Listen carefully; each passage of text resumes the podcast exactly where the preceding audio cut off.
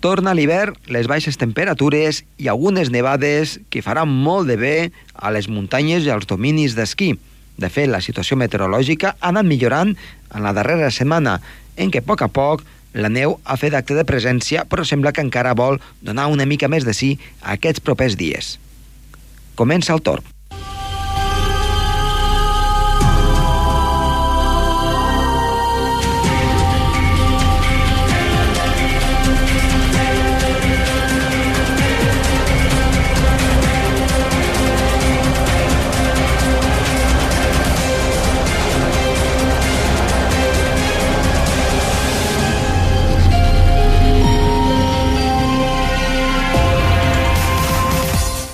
Hola, com va? Molt bona tarda, moltes gràcies per estar una vegada més amb nosaltres i, com sempre, els hi portem les darreres notícies de meteorologia arreu del que és el Principat d'Andorra i també d'altres indrets del Pirineu.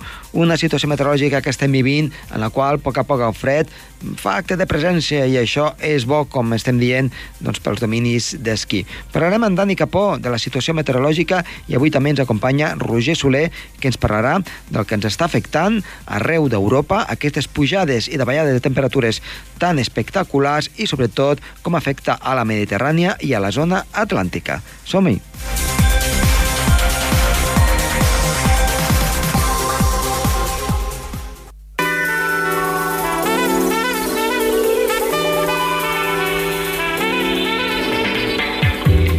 Iniciem el programa amb Dani Capó. Dani, molt bona tarda, gràcies per estar una vegada més al programa. Molt bona tarda, un plaer, com sempre. Doncs avui iniciem una mica aquesta secció de meteorologia parlant del que està succeint al que és la península ibèrica, al sector més occidental, on hi ha un munt de temporals de mar i també de pluja. Què està passant en tota aquella àrea, sobretot nord de Portugal i Galícia? Bueno, la situació bastant complicada que han tingut aquests darrers dies, eh, eh, sobretot a Galícia i al nord, al nord de Portugal. I és que eh, s'han batut diversos rècords de precipitació, sobretot també d'onatge, que no s'han quedat curts per la precipitació. En, man, en menys de 10 dies s'han recollit fins a 350 litres a bandes d'Ourense, per tant, perquè us passeu una idea, més del que plou a totes les pitiuses en un any sencer. Mm -hmm, però, com parles d'aquests litres per metre quadrat, pensem, a veure, eh, per qui no estigui acostumat doncs, a escoltar dades meteorològiques, a l'usuari doncs, una mica de peu, vaja, que plogui a Galícia tampoc és res extraordinari. Per tant, on és la notícia extraordinària en aquest cas, valgui la redundància? A Galícia el que passa és que influeix, influeix molt el relleu que tenen tan abrupte només tocar la costa, uh -huh. perquè les costes gallegues ja tenen d'entrada l'aire que ve humit per aquesta borrasca tan potent de les Illes Britàniques que impulsa aquest, aquest aire de, de l'oest i sud-oest, és que just quan topen amb la costa han de pegar un bot de 500-600 metres. Per tant, tot l'aire s'exprimeix totalment en aquelles muntanyes gallegues. Per tant, en funció de com vengui exactament el flux d'aire, la configuració d'aquesta humitat, pot quedar retingut molt de temps, i clar, si un front és molt actiu, que dugui molta pluja, pot quedar molt de temps en un, en un mateix punt descarregant, uh -huh. ja, ja ho sabem, per a, a bandes com Catalunya, que quan tenim una llevantada eh, plou molt, eh, a bandes del Tibidabo, o inclús si aquesta, aquesta llevantada té més component surest, plou molt a bandes del Pirineu, per tant, l'orografia és molt important. Mm -hmm. I uh, en aquest cas, um, la quantitat de pluja, acostumats a que tinguin molta pluja, és que ha estat molt en, en pocs dies. Sí, el que passa és que han, han tingut molts fronts seguits i tots els fronts venien impulsats per aquesta borrasca que, com dic, molt potent de les britàniques, no solen ser tan, tan potents, n'hi ha poques tan potents. Per tant, tots aquests fronts han anat deixant doncs, 80, 100, 120 litres, i en aquesta successió de dies doncs, ha arribat un punt en què, com dic, bandes s'han acumulat més de 350 litres. Uh -huh. I quina ha de ser la, la situació per a aquests propers dies? Um, canviarà aquesta situació o, d'altra banda, doncs, aquesta pertorbació es retira una mica més cap al nord i, i deixa respirar en tota aquella àrea? Sí, sembla que sí. Sembla que ja aquests propers dies no hi plourà i si plou ja res tindrà a veure amb el que ha passat aquests tres dies. I és que la configuració atmosfèrica canvia una mica, ja no tindrem aquella borrasca tan centrada, tan forta, amb aquest talba cap al sud, a bandes mm. d'illes britàniques, i tindrem una circulació una mica més nord-sud, uh -huh. no gaire important, però aquesta circulació nord-sud farà baixar les temperatures bastant a bandes del Pirineu i qui sap si cap, cap de setmana poden tenir alguna nevada feble també cap a aquell sector, sí. Uh -huh. Per tant, uh, és més un, un tema de configuracions, um, de, de com estan situades les peces, en aquest cas meteorològiques, anticiclons Totalment. i borrasques, i que, a veure, és una mica difícil d'entendre, però eh, ens està parlant d'una perturbació que es va regenerant entre el que és Islàndia i les illes britàniques i va enviant fronts. Sí, és una perturbació que eh, sol situar-se cap a aquests contorns eh, els mesos de desembre, gener, mm. novembre també a vegades, i, i clar, tot això són, són fronts que entren per Galícia, els fronts atlàntics clàssics, sí. i, i bé, a, a, la nostra, a la nostra banda, Pirineus, Mediterrani i tal, no, no solen arribar molt actius, però no. sí que és una època que toca que plogui bastant cap a, cap a aquell sector, i de fet, de fet la setmana passada ho parlàvem que amb el Niño i pot ploure més cap a aquelles bandes perquè la borrasca uh -huh. està més estàtica. Doncs, eh, Dani, moltes gràcies i eh, esperem doncs, que la setmana vinent eh, parlem de fred i, i de neu. De fet, aquesta setmana ja n'estem tenint una miqueta, si més no de fred, i a veure si doncs, l'hivern ja doncs, es recordareix una miqueta més. Arriba doncs, alguna entrada d'aire fred com de humana i, i fa baixar les temperatures doncs, eh, amb el que tocaria en aquesta època de l'any. Tant de bo que sí, Josep. Vinga. Vinga, moltes gràcies. Adéu-siau. Adéu, adéu.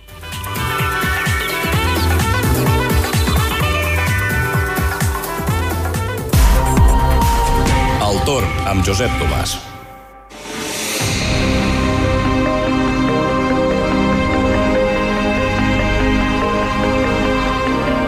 Iniciem l'entrevista d'avui amb un company doncs, que està amb nosaltres de tant en tant, cada 15 dies aproximadament, que és en Roger Soler. Roger, bona tarda.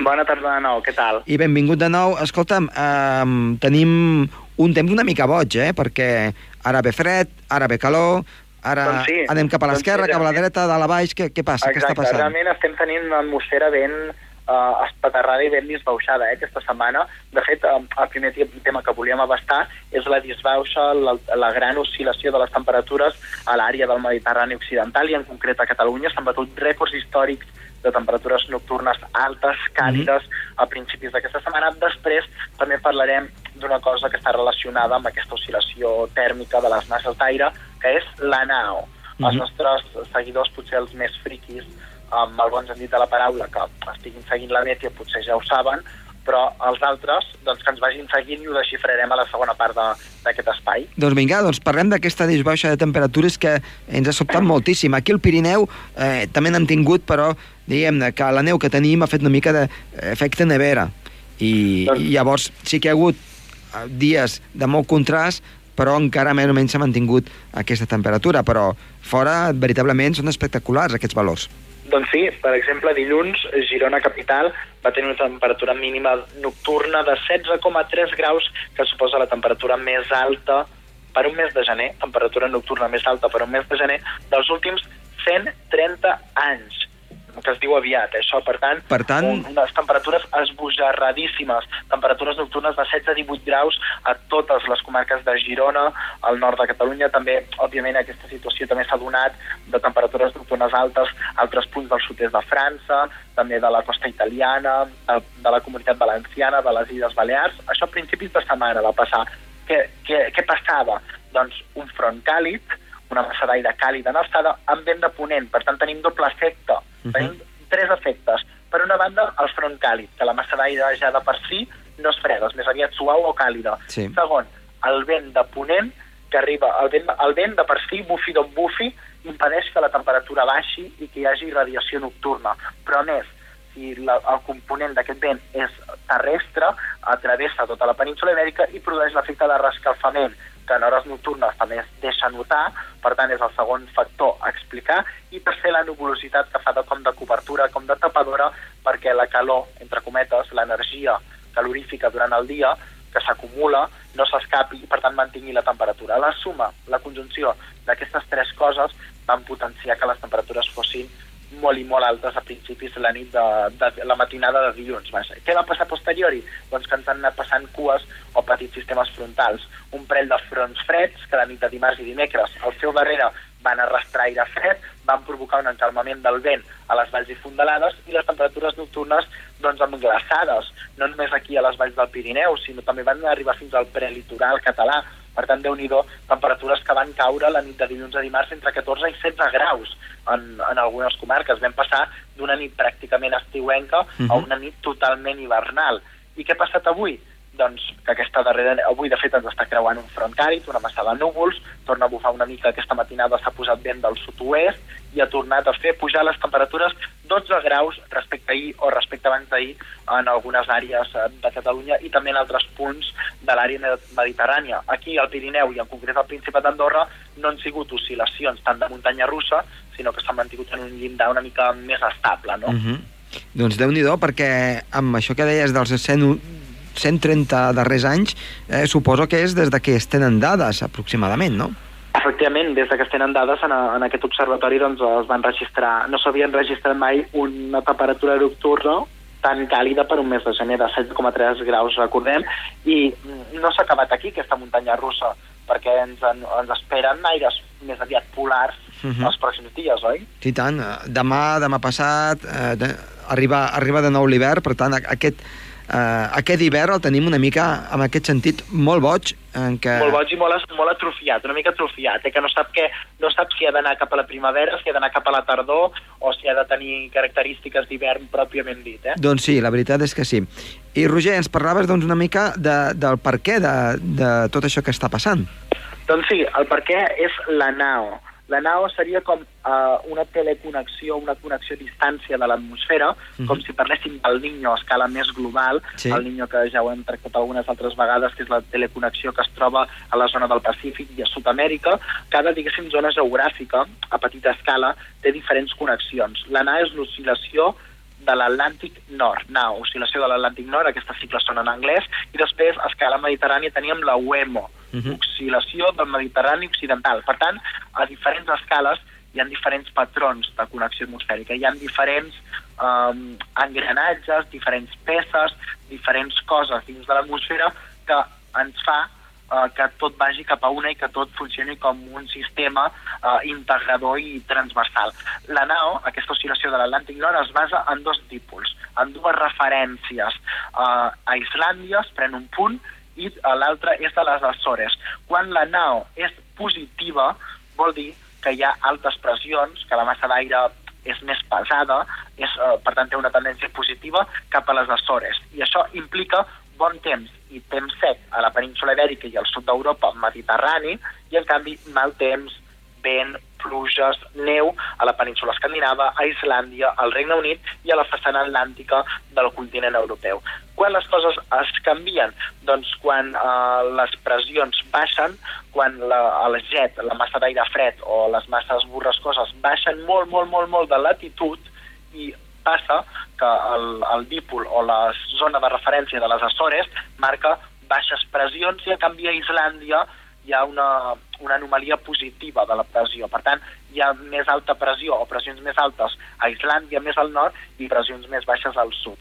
En aquest, en aquest context, la nau és negativa i una nau negativa dona més inestabilitat, més pluges, en general dona nevades al Pirineu i dona temperatures més baixes en cas que ens trobem a l'hivern i a l'estiu també donaria temperatures inferiors a la mitjana. Per tant, nau negativa, que és el que tindrem els pròxims dies, vol dir que la península Ibèrica, a l'àrea del Pirineu, al Mediterrani, als Alps, les temperatures són més fredes, més baixes, i les precipitacions fan més acte de presència. Òbviament, hi ha moltes, eh, podríem dir, excepcions, eh? Sí. perquè segurament aquesta correlació de nau negativa a la costa valenciana o Andalusia no es donaria. És a dir, quan hi ha la nau negativa, no sempre plou a la comunitat valenciana i Andalusia perquè també eh, hem de tenir en compte, és a dir, aquestes, aquests patrons no tenen en compte els fenòmens locals, per tant hi poden haver excepcions a la correlació. És el cas de València o Sevilla. València i Sevilla amb nau negativa no sempre plou. Per què? Perquè els vents són secs, perquè normalment quan en aquesta, circul en aquesta situació de despenjaments de zones d'aire fred, el vent és de l'oest o del nord-oest, que arriba a ser allà. Per tant, en general, mm, és per veure tendències generals d'una àmplia zona. Ara mateix, ara bé, si concretem molt, doncs ja es perden les excepcions i llavors ja és tot més disbauxat, eh? I el, el tema també de, del Mediterrani, per fer un, una petita pinzellada, com ens afectaria a nosaltres? Uh, el tema del Mediterrani ens afectaria... Mira, per exemple, hem tingut uh, el WEMO, que és l'oscil·lació del Mediterrani Occidental. Quan el WEMO és negatiu, Mm. fa fred hi ha precipitacions al Mediterrani Oriental.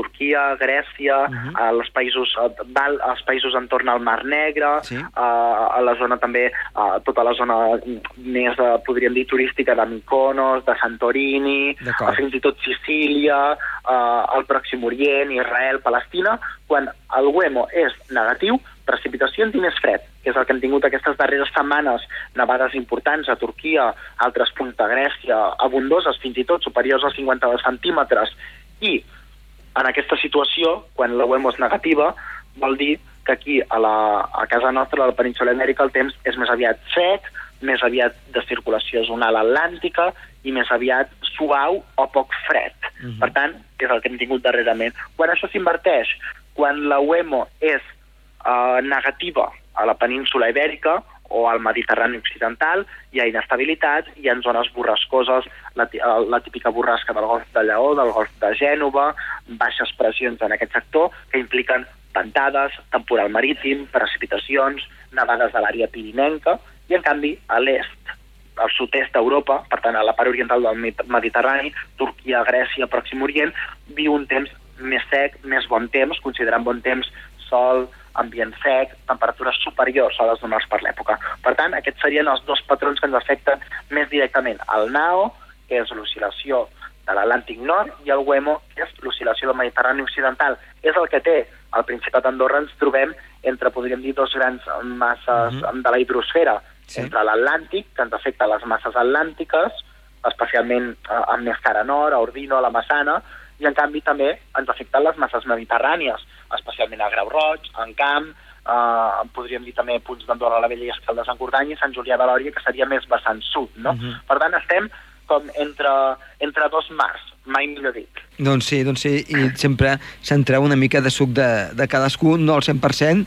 però sí que és cert, eh, sempre ho hem comentat, Roger, que quan hi ha una, una nortada, doncs eh, no, no neva com a la cara nord pirinenca, però en lloc de 200 centímetres potser en cauen 100, i quan hi ha una llevantada, doncs no cauen 200 litres per metre quadrat, però potser ne cauen 50, per tant, al final sempre n'acabes eh, te n'acabes beneficiant. Acabem rascant, acabem rascant d'algun lloc o d'algun altre. Ah, Exacte.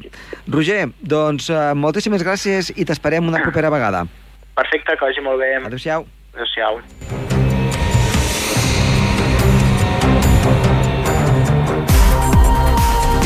El torn amb Josep Tomàs.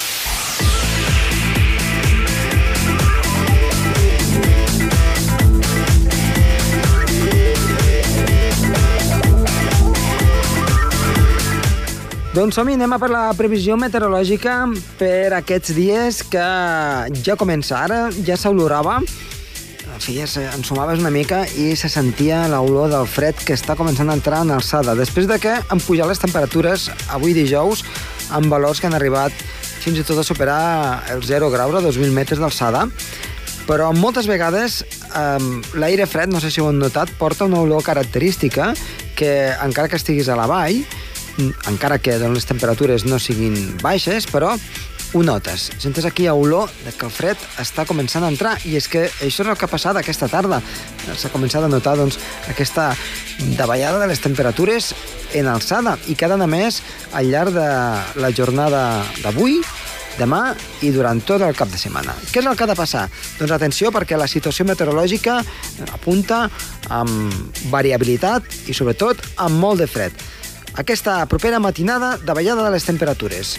Demà al matí hi pot haver clarianes i és que de fet estarem en un impàs entre el front que ens ha creuat avui, ara hi ha clarianes i ja a partir de demà mig matí, migdia, els núvols han de ser presents. Fins i tot es podrien avançar una miqueta i aquests núvols venen de cara nord amb molt de fred, un fred que serà intens, davallada molt important de les temperatures, valors que poden arribar als 10 o 15 graus sota zero als 2.000 metres d'alçada, per tant, amb un fred típic d'hivern. Res extraordinari, però amb un fred doncs, que moltes vegades tenim al llarg del que és eh, l'hivern meteorològic. Per tant, demà tocarà abrigar-nos de bon matí, el vent bufarà fort o molt fort als cims de les muntanyes. Atenció doncs, amb aquesta situació meteorològica. I també l'element blanc, la neu, arriba al llarg de demà. En quina hora? Doncs amb els últims mapes indicaven que arribava més a la tarda o al vespre. Caldrà, però, tenir present que moltes vegades aquests mapes, doncs, eh, en la seva actualització, no són del tots exactes. Per tant, haurem d'estar atents, perquè al llarg de demà pot anar arribant aquesta nuvolositat, ser compacta i primer començar a cara nord, amb precipitacions de neu, a qualsevol cota i traspassar cap al sud. Això sembla que ha de succeir a partir de la tarda, en què el cel estigui ben cobert, el vent bufi fort, i per tant la neu faci acte de presència a totes les parròquies i a totes les cotes. Com ha de ser aquesta nevada? Doncs la nevada ha de ser moderada a la cara nord, fins i tot eh, generosa, i feble a la resta. Per tant, cap a la cara sud, la cota de neu, tot i que serà també molt baixa, no ha de ser tan important. Com diem, a partir de la tarda, però especialment al vespre, nit matinada i fins dissabte a mig matí, és quan la situació meteorològica ha de ser de màxim risc en quant a precipitacions de neu. Per tant, ho han de tenir en compte. Des de demà a la tarda fins dissabte al matí, probabilitat de nevades a totes les cotes del país. I, per tant, si han d'anar a l'alta muntanya, moltíssima precaució perquè la situació meteorològica doncs, serà eh, molt poc recomanable per fer esquí fora pistes. S'ha d'incrementar el perill de llaus. Aquesta doncs, seria una primera eh, situació meteorològica que es podria viure i després amb tort, amb vent i aquest vent aixecaria la neu i per tant la visibilitat es reduiria molt i per tant la situació seria força complicada. Què ha de passar dissabte? El dissabte al matí encara amb precipitacions de neu a qualsevol cota. A partir de mig matí, retirant-se aquesta neu, situant-se únicament cap a la cara nord, que es mantindria la nevada, tot i que més feble, però el fred no deixaria d'afectar-nos. Un fred intens màximes al fons de vall que tan sols passarien dels 3 o 4 graus positius, a més estirar, mentre que a l'alta muntanya tindríem màximes entre els 5 a 7 graus sota 0 a 2.000 metres d'alçada. I a parròquies, a parròquies altes justet s'arribarà als 0 graus, per tant, un dia de ple hivern. Diumenge sembla que la situació millora. Pugen les temperatures, hi hauria moltes més clarianes, però atenció perquè dilluns tornaria una alta perturbació que, de nou, sembla que portaria nevades, potser una cota una mica més elevada, entre els 1.000 a 1.200 metres, però en definitiva, amb doncs, un temps de ple hivern i, per tant, amb molta precaució perquè fa a l'alta muntanya.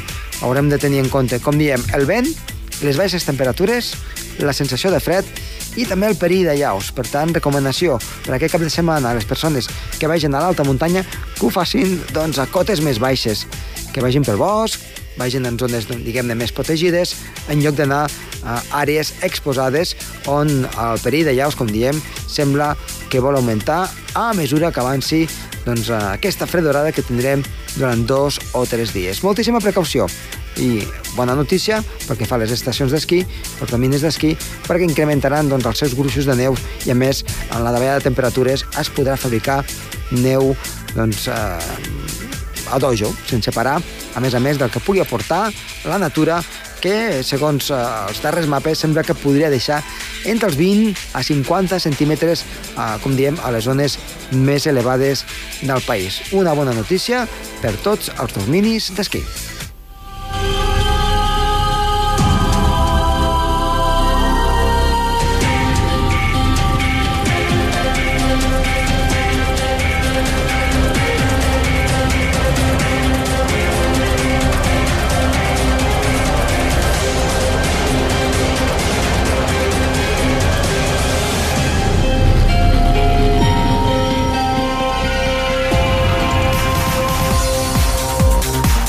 Doncs bé, fins aquí el programa d'avui. Esperem que els hi hagi agradat. Recordin aquesta neu que ha de caure, sobretot aquest fred i aquest vent.